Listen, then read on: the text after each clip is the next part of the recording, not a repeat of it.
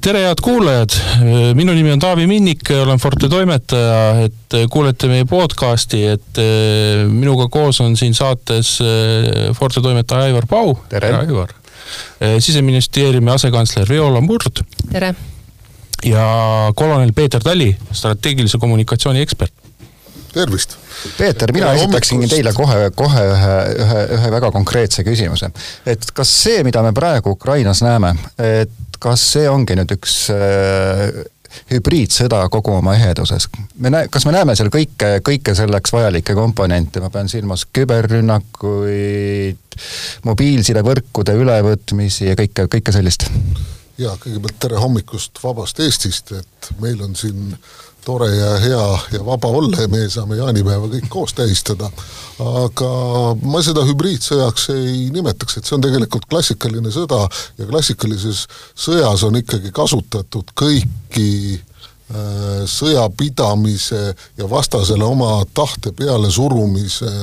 vahendeid. et äh, mis siis on, äh, moodsas maailmas tegelikult sõjapidamine käib kuues lahinguruumis, mis on maa, meri, õhk, äh, kosmos, küber ja siis kognitiivne ehk tunnetuslik lahinguruum. ja lahingud käivad seal samaaegselt, mitte ei ole ainult merelahingud või maalahingud. ja loomulikult äh, kasutatakse ka diplomaatilisi, poliitilisi ja majanduslikke vahendeid vastase, ehk siis Venemaa üritab seda Ukrainat purustada ja põlvili suruda. aga, aga Peeter, teie, teie ametinimetuses on sees kommunikatsioon, kommunikatsiooniekspert. Et äh, öelge palun seda, et kui te vaatate seda, kuidas nagu ukrainlased seda asja kommunikeerivad, et meil on siuksed tegelased nagu Arestovitš, Podoljak, kellel justkui nagu, kes justkui nagu ametlikult on nagu selle presidendi ja administratsiooni välised inimesed justkui. et äh, kuida-, milline, milline tunne teil nagu selle eksperdina on, et kas nemad teevad kõik õigesti praegu ja kas nad on juba selles infosõjas, kas nad on juba, ütleme, selle punkti kätte saanud? Arestovitš ikka presidendi administratsioonist ikka väga kaugel ei ole, ta on ju natuke nõunik ka. jah, aga koosseisuväline siiski. seda küll, seda küll, jaa, aga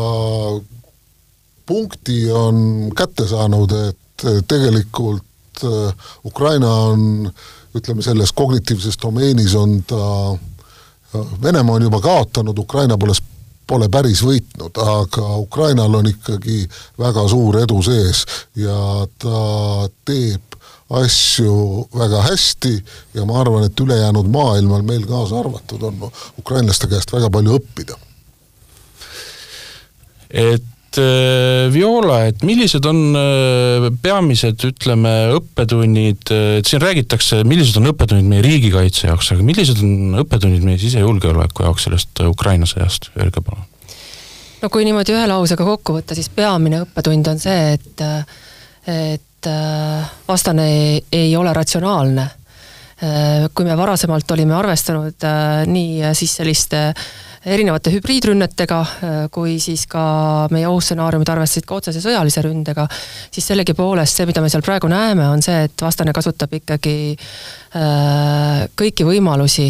et äh, külvata paanikat, see tähendab siis seda, et ründab ka tsiviilrajoone, haiglaid ja nii edasi, et, et see, mida me varasemalt võib-olla arvestasime, et, et infra ja ja, ja tsiviilelurajoone ei ole ilmselt põhjust rünnata, siis tegelikult me näeme, et, et just seda, just neid öö, objekte rünnatakse. Ma vaidleks küll hea meelega vastu, et vastane ei ole ratsionaalne, et Venemaa on üliratsionaalne, et kuna tal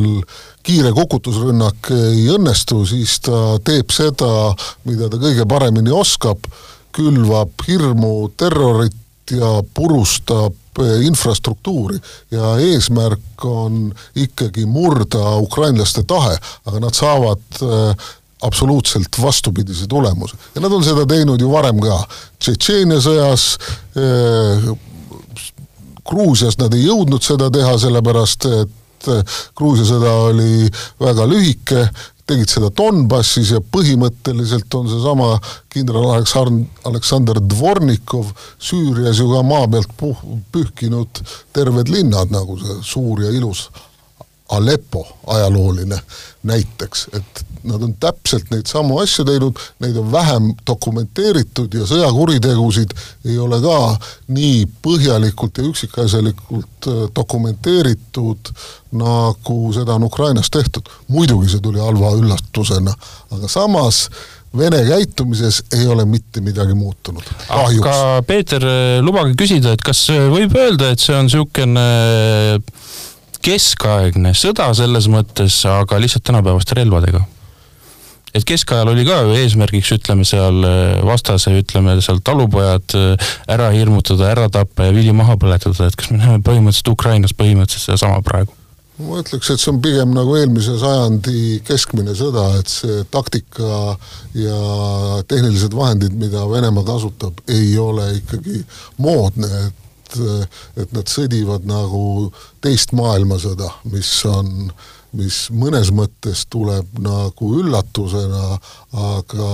meile, kes me oleme harjunud juba elama terve põlvkonna lääne vabas ühiskonnas, tuleb see muidugi õõvastava ja halva üllatusena. Viola, ma tuleksin korraks ka nüüd põgenike teema juurde, et Eestis on tänaseks päevaks vist juba enam kui nelikümmend tuhat Ukrainast saabunud sõjapõgenikke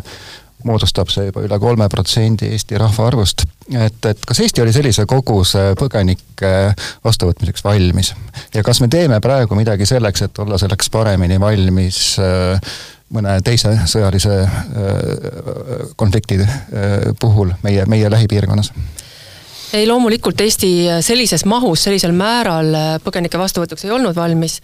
ma ütleks nii, et me tegelikult üsna kiirelt suutsime ennast mobiliseerida milleks me olime varasemalt valmis, äh, siis oli massiline illegaalne sisserün-, sisseränne äh, ja seda ka väiksemas mahus.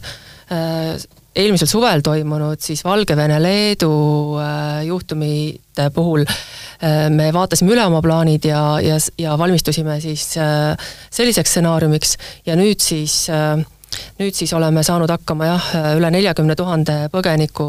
vastuvõtmise, abistamisega ja, ja eks need võimekused tekivadki kogemuse pinnalt või siis vastavalt äh, siis äh, sellele, milline see ohustsenaarium täpselt äh, olema saab. mis meil kõige suuremaks probleemiks oli? tõenäoliselt kinnisvara selles mõttes, et need põgenikud tuli jaa. füüsiliselt kuskile panna, teine asi on see, et, et kas meil on piisavalt vahendeid, et et nad kuidagi integreerida, nad ei tule ju siia no, lühemaks, lühemaks perioodiks, pikemaks perioodiks. täpselt nii, et kõige suurem, suuremal määral meid proovile panigi see, et kuhu inimesed majutada kõik see, et mis puudutab nüüd seda arvestuse pidamist, siis siin tänu sellele, et me taastasime piirikontrolli, äh, oli meie, olid meil päris head äh, andmed, kes meil on äh, sisse tulnud, võrreldes näiteks teiste riikidega. teised riigid pidasid arvestust ainult selle üle, kellele on siis antud ajutine kaitse. Et meil see andmestik oli palju parem, küll aga jah, see majutuskohtade leidmine võttis mõnevõrra aega, et et aga ka siin saadi tegelikult üsna hästi hakkama. nüüd, mis puudutab äh, nii-öelda seda integreerimist või lõimumist äh,, siis ka siin on meil praegu plaanid äh, tehtud, mitmesuguseid äh, tegevusi siin ka koostöös ministeeriumitega äh, äh, praegu teostamisel. et, et loomulikult äh, me ei olnud selleks valmis, aga ma arvan, et me oleme üsna kiirelt tegelikult siin koostöös praegu äh, hakkama saanud ja, ja kindlasti on, on juba väga paljud põgenikud tööle saanud äh,, osalt on nüüd lapsed kooli saanud, osalt on lapsed ka kaugõppel äh, õppinud, aga valmistutakse sügiseks, et, et kuidas siis tagada koolikohad, kuidas tagada püsivad elukohad ja, ja kuidas võimalikult paljud inimesed, kes kes äh, siia plaanivad jääda, siis ka saaksid iseseisvalt hakkama. küll tõsi, äh, osad inimesed juba liiguvad tagasi äh, Ukraina. siin olekski võib-olla koha, kohane küsimus, et mis siis sügisel saama hakkab? jaa, et ega me siin praegu väga pikki prognoose ei oska keegi teha, et kõik sõltub ka sellest, kuidas see edasine sõda seal Ukrainas kujuneb aga me ise praegu arvestame küll sellega, et, et need inimesed, kes siin on, Äh, tõenäoliselt ikkagi ka siia jäävad. Äh, noh, mõned neist võib-olla liiguvad edasi, mõned tagasi. mis aga... mõttes siia jäävad, kas tohib esitada niisuguse täpsustava küsimuse, et et jäävad siia, et kas te arvestate sellega, et isegi kui sõda läbi saab, siis suur osa nendest jääb siia?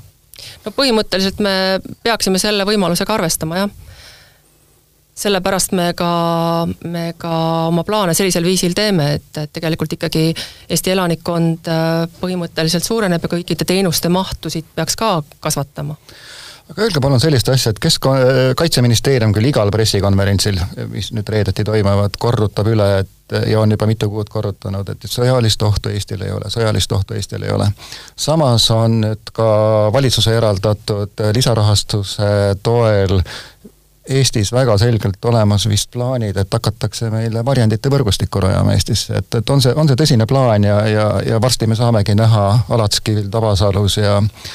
ja kus iganes veel sellist varjendite võrgustikku nii-öelda Eestis? päris varjendite võrgustikku me praegu rajamas ei ole, selleks ei ole ka eelarvelisi vahendeid. põhimõtteliselt, mida me praegu teeme, on siis see, et, et vaatame üle need, selle taristu, mida on võimalik siis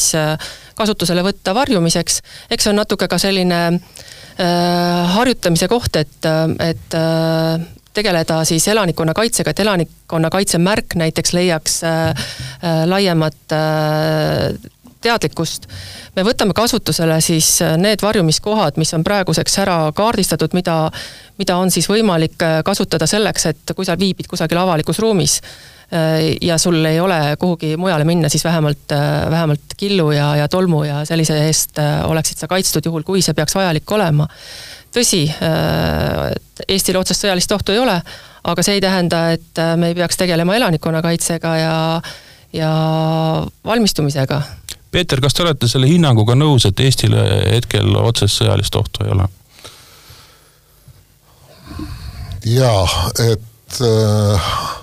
seda on keeruline öelda, et äh, tegelikult see maailm peale kahekümne neljandat Eh, veebruarit on muutunud ja täna tõepoolest Venemaal ei ole millegagi väga ütleme niimoodi, NATO riike rünnata, aga, aga maailm on muutunud ja me peame riigikaitsesse rohkem panustama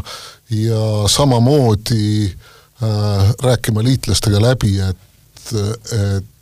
heidutus oleks ikkagi, liiguks kaitsehoiakusse, et rohkem liitlasi, äh, rohkem relvasüsteeme, rohkem inter-, integreeritud ja samamoodi ka elanike etteval-, elanikkond ette valmistatud. ja see on väga hea, et Päästeamet on hakanud elanikkonnakaitsega tegelema ja siin kõigile kuulajatele ka soovitus, et laadige alla Naiskodukaitse Ole valmis äpp, ja seal on tegelikult praktilised eh, juhendid, kuidas varjuda ja kuidas ennast ka kaitsta, et kui kuskile varjuda ei ole, et et kuidas siis korteris ka enam-vähem terveks jääda. aga nüüd, mis põgenikke puudutab, siis ma siin küll väga ei patsutaks endale õlale, et väga hästi ei läinud, ma arvan, et kõige suurem probleem põgenike tulekus oli see, et puudus arusaamine ja normaalne juhtimine, aga ma loodan, et riik ja Riigikantselei saavad oma õppetunnid nüüd ära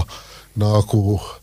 piiri taga öeldakse, ära analüseerida ja olla järgmisteks kordadeks targemad. sest see on ju selge, et me peame ukrainlasi aitama ja inimesed, kes on tulnud linnadest, mida enam täna maa peal ei ole, neil ei ole kuhugi tagasi minna, isegi kui nad tahaksid Peeter, et äh, jutt läks Ukraina aitamisele, et kui me vaatame siin tõesti, äh, kes on kui palju ära teinud ja võtame aluseks, ütleme selle SKT ja elanikkonna suuruses, Eesti on tõesti nagu absoluutselt tõenäoliselt kõige esimene. Aga öelge palun, öelge palun äh, seda, et äh, kas me ei ole läinud sellega liiga kaugele, et me oleme nõrgestanud oma äh, kaitsevõimet sellega, andnud ära näiteks oma Javelinide moona, andnud ära oma seda kaudtulevõimekust ja ilma asenduseta? Ei ole, selle pigem vastupidi, iga Vene tank, iga Vene suurtükiväesüsteem, iga Äh, Vene raketisüsteem, mis Ukrainas purustatakse, meil on tööd vähem. et äh, see on väga targalt tehtud ja tegelikult äh, Eesti ostab endale juurde sedasama K9-t kõhu liikursuurtüki suure tuleulatusega ja noh, olgem, olgem ausad, et need saja viiekümne viiesed järelveetavad, et ega nad olid juba oma elukaare lõpus ka. mis mõttes, selles mõttes, et on vaja rauda vahetada või? Selles mõttes, et on vaja rauda vahetada, hüdraulikat vahetada ja nad, nad lihtsalt on moraalselt Äh, vanad, moraalselt ja füüsiliselt ka. aga lihtsalt ikkagi, Peeter, et tuleme selle küsimuse juurde korraks tagasi, et vaatame päris nagu siuksed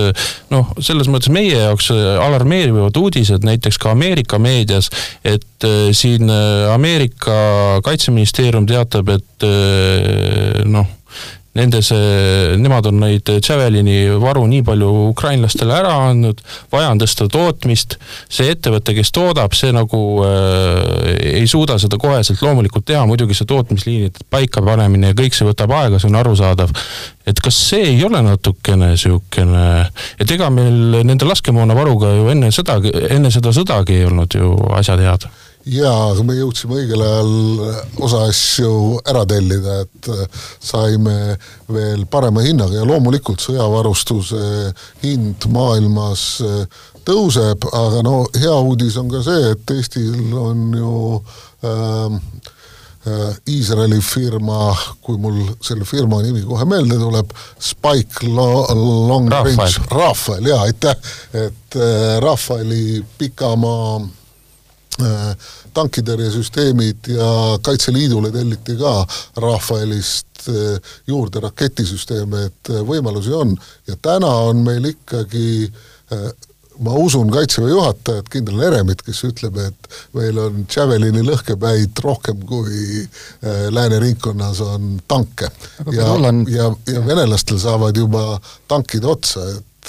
T kuust kuutekümmet kahte veetakse Ukrainasse, noh, pagan küll, et see on ikka küll harukordne, et et mis siis neil veel varuks on, T viiskümmend viis? Viola, valitsus on sel aastal nüüd kahel korral juba teinud lisarahastuse otsused, et päris suur osa on sellest on läinud Kaitseministeeriumile, aga oma, oma pisku on saanud ka Siseministeerium, et mis summadest me räägime, mis on nagu antud elanikkonnakaitse arendamiseks siis Siseministeeriumile ja mida te selle rahaga teete? Jaa, et valitsus ela-, eraldas äh, märtsis äh, siis äh,, tegi otsuse, et eraldada siis elanikkonnakaitsele ka raha, see oli ajalooline otsus äh,, sest äh, varasemalt äh, elanikkonnakaitsele ei olnud äh, rahastust äh, olemas, aga et mida me selle raha eest teeme äh,, valdavalt... summad seal olid üldse, mis teile tulid, vabandust? jaa, et äh, kokku tuli siis üheksakümmend miljonit, millest pool siis läheb äh, Äh, selleks, et me saaksime hakkama selle põgenike olukorraga äh, ja teine pool siis läheb elanikkonnakaitsesse. Äh, ehk et siis circa viiskümmend miljonit Päästeametile ja see tähendab siis seda, et lihtsalt proportsioonide mõistmiseks, Päästeameti aastaeelarve on seitsekümmend miljonit ja see kulub selleks, et äh, hoida üleval siis äh, olemasolevat päästevõimekust, olemasolevat komandovõrgustikku. nüüd selleks, et tegeleda elanikkonnakaitsega, äh, oli see riha, lisarahastus väga oluline ja selle, praegu selle raha eest saab ära teha esmased kiired asjad et me loetud päevadega Ukraina sõja järel panime kokku kiire plaani, mis on need kõige kiiremad võimelüngad, mis Eestis üldse praegu on. Nendest esimene tegelikult on meil ohuteavitus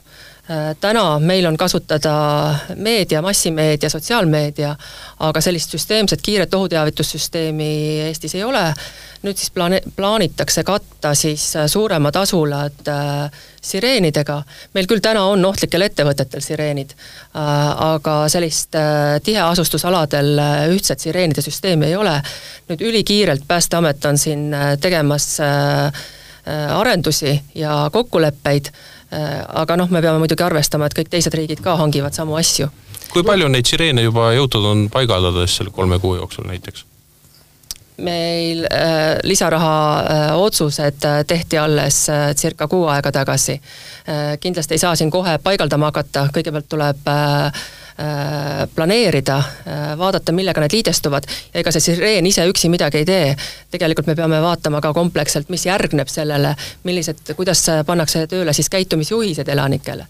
lisaks sellele sireenidele siis järgmine koht äh, on evakuatsioon, et me saame väga hästi hakkama päästesündmuste puhul evakueerimisega, seda on ka mitu korda läbi harjutatud või politseisündmustega, aga tegelikkuses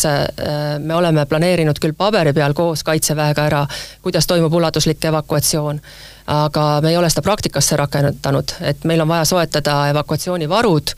ja meil on vaja see praktiliselt läbi planeerida, kogu see ulatuslik evakuatsioon koostöös kohalike omavalitsuste, Naiskodukaitse ja kõigi teise osapooltega siis järgmise asjana varjumisvõimekus, millest me siin juba rääkisime, kiire lahendus on see, et me saame kasutusele võtta olemasolevat taristut. see, mille jaoks me raha saime, on, et äh, vaadata üle need tehnilised nõuded, et mille eest need kohad üldse inimesi kaitsevad. vabandage, mis asi see olemasolev taristu tähendab, selles mõttes, et kas Eesti Ekspressi toimetus on olemasolev taristu, ehk siis kui rünnak peaks tulema, et siis kas Eesti Ekspressi toimetus muudetakse nii kindlaks, et sinna siis tolm ja, tolm ja kuulid sisse ei tule? ei, me vaatame üle äh, siis need kohad, mis põhimõtteliselt äh, võiksid inimesi jah, killu tolmu eest kaitsta. Äh, noh, näiteks on siin äh, Vabaduse väljaku maa-alune parkla, näiteks on mõned endised siis tsiviilvarjendid, mis on veel võimalik korda teha, ikkagi maa-alused, maa-alune taristu, mõnede, mõnede ettevõtete keldrid ja, ja sellised kohad, kus sul siis ei ole betoonist maa-alused siis kohad, kus sul ei ole siis äh, äh, võimalik, et või noh, ei ole klaasi ega, ega selliseid purunevaid äh, materjale. Et millised on nagu prioriteedid, ütleme Tallinna linnas, et milliste linnaosade, ütleme, inimesi on siis kavas nendesse varjenditesse nagu paigutada või keda üldse? täpsustuseks siis, et, et need varjumis hädaolukorras loomulikult. varjumiskohad on mõeldud ikkagi selleks, et inimesed, kes viibivad avalikus ruumis, on nad meie külalised või, või inimesed, kes on teel kuhugi Äh, nüüd selleks, et, äh, et ikkagi äh, inimesed ise, kes, kes, kes kusagil elavad, saaksid siis varjuda, selleks on ka juhendid, nagu Peeter siin ütles, ole valmis lehel, kuidas inimesed ise saaksid valmistuda. ja, ja noh, siit tuleb edasi liikuda, et tõenäoliselt oleks vaja muuta meie seadusandlust, andlust selliselt, et uutes ehitistes oleks ka äh, Äh, varjumiskohtade loomise nõue meie uusehitistes, nii nagu näiteks on see Soomes. ega see ometi, see ei käi ometi eramute kohta, selles mõttes, et kui meie, meie põllukülad, mis meil on tekkinud uus no eramus on sul, Aivar, on kelder, kuhu sa saad seal on nagu need uued, Uus-Enamaa rajoonid, meil siin on kõik paekivi peale ehitatud, seal ei ole ühtegi keldrit. seal ei ole isegi vundamenti just nimelt, et otse paekivi peal et noh, eks see tahab diskussiooni, et millise tee me valime, kaks tuhat üheksateist äh, käis varjumise rakkerühm koos ja, ja pakuti välja viis erinevat lahendust mm. -hmm. tookord siis otsustati võtta kasutusele siis see olemasolev taristu, mis, mida peaks hindama siis, kas ja milleks ta kõlbab mm. -hmm. ma tulen korraks tagasi ühe summa juurde, mis mul jäi kõrva kulama, see oli nelikümmend viis miljonit eurot põgenikega hakka saa-, hakkama saamiseks. kas see nelikümmend viis eurot, nelikümmend viis miljonit on mõeldud nüüd käesoleva aasta jaoks, on see mõeldud mingisuguse ajalise perspektiiviga tulevikus? ja lisaeelarve öö, otsused tehti siis käesolevaks aastaks ja siis osalt tehti RES-i eelotsuseid siis järgmiseks aastaks et äh, põgenikega hakkama saamiseks jah, sellel, sellel aastal on need äh, arvutused tehtud äh, selleks aastaks, elanikkonnakaitse rahad lähevad meil ka järgmisesse aastasse kas see nelikümmend viis miljonit käi-, tuli nüüd ainult Siseministeeriumile põgenikega hakkama saamiseks või on veel eraldi summad siis Sotsiaalministeeriumile ja teistele ministeeriumidele? jah, see oli Siseministeeriumile hakkama saamiseks mm. -hmm et siin, äh, kui hakata nagu meie jutuajamist kokku tõmbama, siis äh, siit käis läbi niisugune väljend, et äh, niikaua, kuni kestab Ukrainas sõda. et Peeter, teie kui professionaalse sõjaväelase käest ma küsikski niisugust prognoosi, et siin sõja alguses oli neid prognoositegijaid ja prognoose oli palju, eks ole, siiani pole neist ükski täitunud, aga kui julgeda veel ükskord üks prognoos teha, et kas meil on nagu lootust, et aasta lõpuks on sõda läbi? ja vot mul oleks selle jaoks ennustamine on üldse tänamatu töö kristallkuuli pealt või muidu ja mul oleks vaja lisainformatsiooni, et tahaks viibida kas äh, Venemaa kindralstaabi ja soovitavalt ka Ukraina kindralstaabi nõupidamistel paar päeva, et siis saaks aru, mis äh, seis on, aga, aga ma ei, ma päriselt ei julge ennustada, et praegu on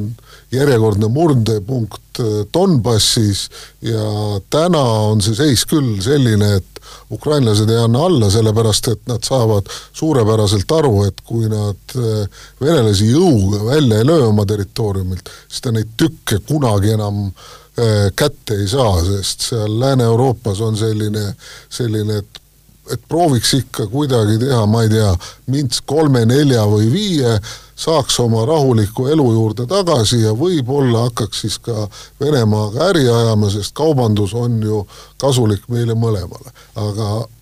aga Vene või Putini vaates, ja noh, see pole ainult Putin, vaid, vaid Kremli vaates laiemalt, sellist win-win või võit-võit asja ei ole, neid see kaubandus ei huvita. Nende seljaajus on see, et nad peavad võitma ja laienema. Miks? see on nagu järgmise saate eh, pikk ja valulik teema, et avada Vene hinge salasoppe, mis ei ole see, millest kirjutasid Turgenev, Dostojevski ja Tolstoi ja Dostojevski muuseas oli ka ikkagi eh, kuigi andekas kirjanik, siiski suur vene šovinist et eh, meid puudustab eh, otseselt siis see migratsioonikriis, et Viola, öelge palun seda lõpetuseks, et kas siseministeeriumil on mingisugune prognoos? Äh, kui kaugele see migratsioonikriis Eesti puhul võib minna, et me Poolas näeme, et seal on tõesti kolm pool miljonit inimest, et meie ja Ukraina vahel on, äh, eks ole, kolm riiki, et äh, kui palju meil võib olla aasta lõpuks, ütleme, põgenikke ja kas on mingisugune plaan, et kui neid saab liiga palju, et siis me palume tõesti mingisugust ümberjaotamissüsteemi, näiteks nagu kui olid need Euroopa suured põgenikukriisid? jaa, et me praegu oleme oma plaanid äh, sellisel viisil teinud jaa, et, et circa viiskümmend tuhat ja äh, on see arv, millega me plaanime hakkama saada. Äh, eks see elu näitab, kuidas see siin päriselt läheb, ehk siis tuleb oma võimekusi ka vastavalt tõsta praegu jah, meie kõige suurem, nagu ma enne ütlesin, kõige suurem väljakutse ongi see, et kuidas leida siis majutuskohad inimestele ja, ja, ja, ja siis sügisel koolikohad et äh, me muidugi loodame, et, äh, et äh, Ukraina selle sõja võidab ja saab hakata keskenduma Ukraina ülesehitamisele. Tegelikult Ukrainas, et ka ise need, kes praegu siin on, paljud neist usuvad siiralt, et nad saavad võimalikult peatselt tagasi liikuda. Aga, aga et siin me saamegi võtta jah, selles osas päev korraga, et prognoosid on praegu tehtud viiekümne tuhande peale, kui need suurenevad, eks me siis äh, peame ka hakkama saama. Ja, ja see, mis puudutab nüüd nagu ümberjagamist, et ei, et et, et pigem on ikkagi, ikkagi nii, kuidas äh, kuidas inimesed ise äh, soovivad siis liikuda, et ka praegu osad siin viibivad põgenikud liiguvad edasi Soome, Rootsi ja nii edasi, Saksamaal, et kuidas teil tunne on, kas Eestis on olemas nelikümmend kuni viiskümmend tuhat töökohta nendele inimestele, kes siia, kes siia on tulnud ja mõneks ajaks jäävad? täna tegelikult äh, neid töökohti äh, on leitud äh, üsna kiiresti äh, ja, ja on ka selline äh, nagu äh, täna meil on võimalik ka kaugtöölt, kaugtööd teha päris palju, et pigem ikkagi kõik sõltub sellest, äh, kuidas me leiame majutuskohti, et töökohtadega, töökohti leiab ja kui ma, kui ma tohin lisada, et siis tegelikult ju äh, tõenäoliselt nende, nendele naistele ja lastele, kes siia peamiselt tulid, et võivad järgi tulla ka nende mehed, kui seal sõda ühel või teisel moel äh, lõpeb ja neil ei ole seal tõesti kuskil olla, et perekonnad saaksid siis koos olla, et kui need mehed on elu ja tervise juures ja neid tingimata ravida ei tule ja, ja tegelikult äh, Eesti rahvas on ikka suure ja avatud südamega ja ma arvan, et igasuguste numbrite ütlemine selles mõttes ikkagi ei tööta, et tahetakse ikkagi kõiki võimalikult palju aidata, nagu nagu meid aitasid kanadalased või rootslased, kes pääsesid Eestist põgenema. tõsi küll, eestlased pandi seal kõik metsatööle, sõltumata haridusest, aga siis töötasid seal edasi ja üles ja, ja ja no ei tea, kas see on nüüd ilmtingimata võluvits rahvastikukriisi selles mõttes lahendamisel, et on, on vananev ühiskond, aga kui Eesti või kui Soome, Skandinaavia pumpab välja Eesti ajusid ja tööjõudu, et enda majandust üleval hoida, et siis retoorilisena küsimusena võiks õhku visata, et kas me ei peaks mitte sedasama Ukrainas tegema või ukrainlastega ja selles mõttes ma olen Peetriga nõus, et, et meil siin praegu vähemalt meie valdkonnas on siin kolm suunda, et üks asi on see, et me toetame Ukrainat ja siin on tõepoolest ka näiteks Päästeliit on siin väga, väga äh, head tööd teinud. teine pool on siis see, et me aitame Ukraina põgenikke ja kolmas pool on siis see, et me valmistume ise elanikkonnakaitse võtmes. ja Ukraina sõjapõgenike abistamisega loomulikult, et äh, valmistumine nõuab ressursse ja selles vaates me ressursi planeerimise, rahade planeerimise mõttes oleme, oleme siin teinud arvutused, aga tegelikkuses loomulikult me peame olema valmis aitama äh, nii palju kui võimalik ja tõepoolest, siin ongi Eesti elanikkond on abiks olnud, äh, erinevad vabatahtlikud organisatsioonid on väga hästi äh, mobiliseerinud ennast ja, ja teinud kõik, mis võimalik. ja, ja eks me siis riigi poolt ka praegu äh, planeerime, et, äh, et inimesed saaksid võimalikult kiiresti tööle, et oleks ka need koolikohad äh, lastele olemas. ja loomulikult ka seda, et kui peaksid äh, tulema äh, pered, äh, mehed neile siia järgi, et ka siis me tegelikult, äh, pered saaksid kokku ja pered saaksid koos olla. siseministeerium on arvestanud selle võimalusega, et need pered saavad Eestis kokku, et siia võib veel tulla umbes sama palju inimesi siis nagu juurde meile? ja see võimalus on täiesti olemas, jah. no ma ei usu, et sama palju tuleb, et kui, kui isa no kolmandik, siis ja, sama ja, palju ei tule, et, et siis jah, vähem ja noh, kahjuks kõik ei jää sõjas ka ellu vastupidi, võib tulla hoopis rohkem, sellepärast kui me arvestame, igalühel meist on ju kaks vanemat, et äh, kui me mõtleme, siis nende vanade haigete inimeste toimetulek sellises riigis on keeruline, tõenäoliselt tuuakse järgi eelkõige oma vanemad sugulased. julgeks ennustada poliitilisi lahinguid sel teemal Eestis? valimised tulevad, vaatame ja kuulame tähelepanelikult, mida poliitikud räägivad, aga, aga jällegi igasugune numbrite panemine ei ole nagu tõsiseltvõetav, et kui siin, ma isegi ei mäleta, kes ütles, et kaks tuhat ja kümme tuhat, et noh, algusest peale oli teada, et need numbrid on lihtsalt nali ega numbrite mõttes me, ega me jah, tõepoolest, ega see, me ei mõtle selle peale nii, et, et, et nüüd on see, mis realiseerub, vaid pigem nagu see, et mis on meie tänane võimekus äh, aidata, kui palju on äh, mingisuguseid äh, vabu elamispindasid, kui palju on vabu koolikohti ja kui palju tuleb neid juurde luua. Need on väga selged numbrid juba. aga siin võiks tegelikult meie jutuajamisele joone alla tõmmata ja teha seda Peeter Tali sõnadega, et Eesti rahval on tõesti suur süda et äh, saadet juhtisid Aivar Pau, Taavi Minnik, külas olid Viola Murd ja Peeter Tali, tänan kuulamast teid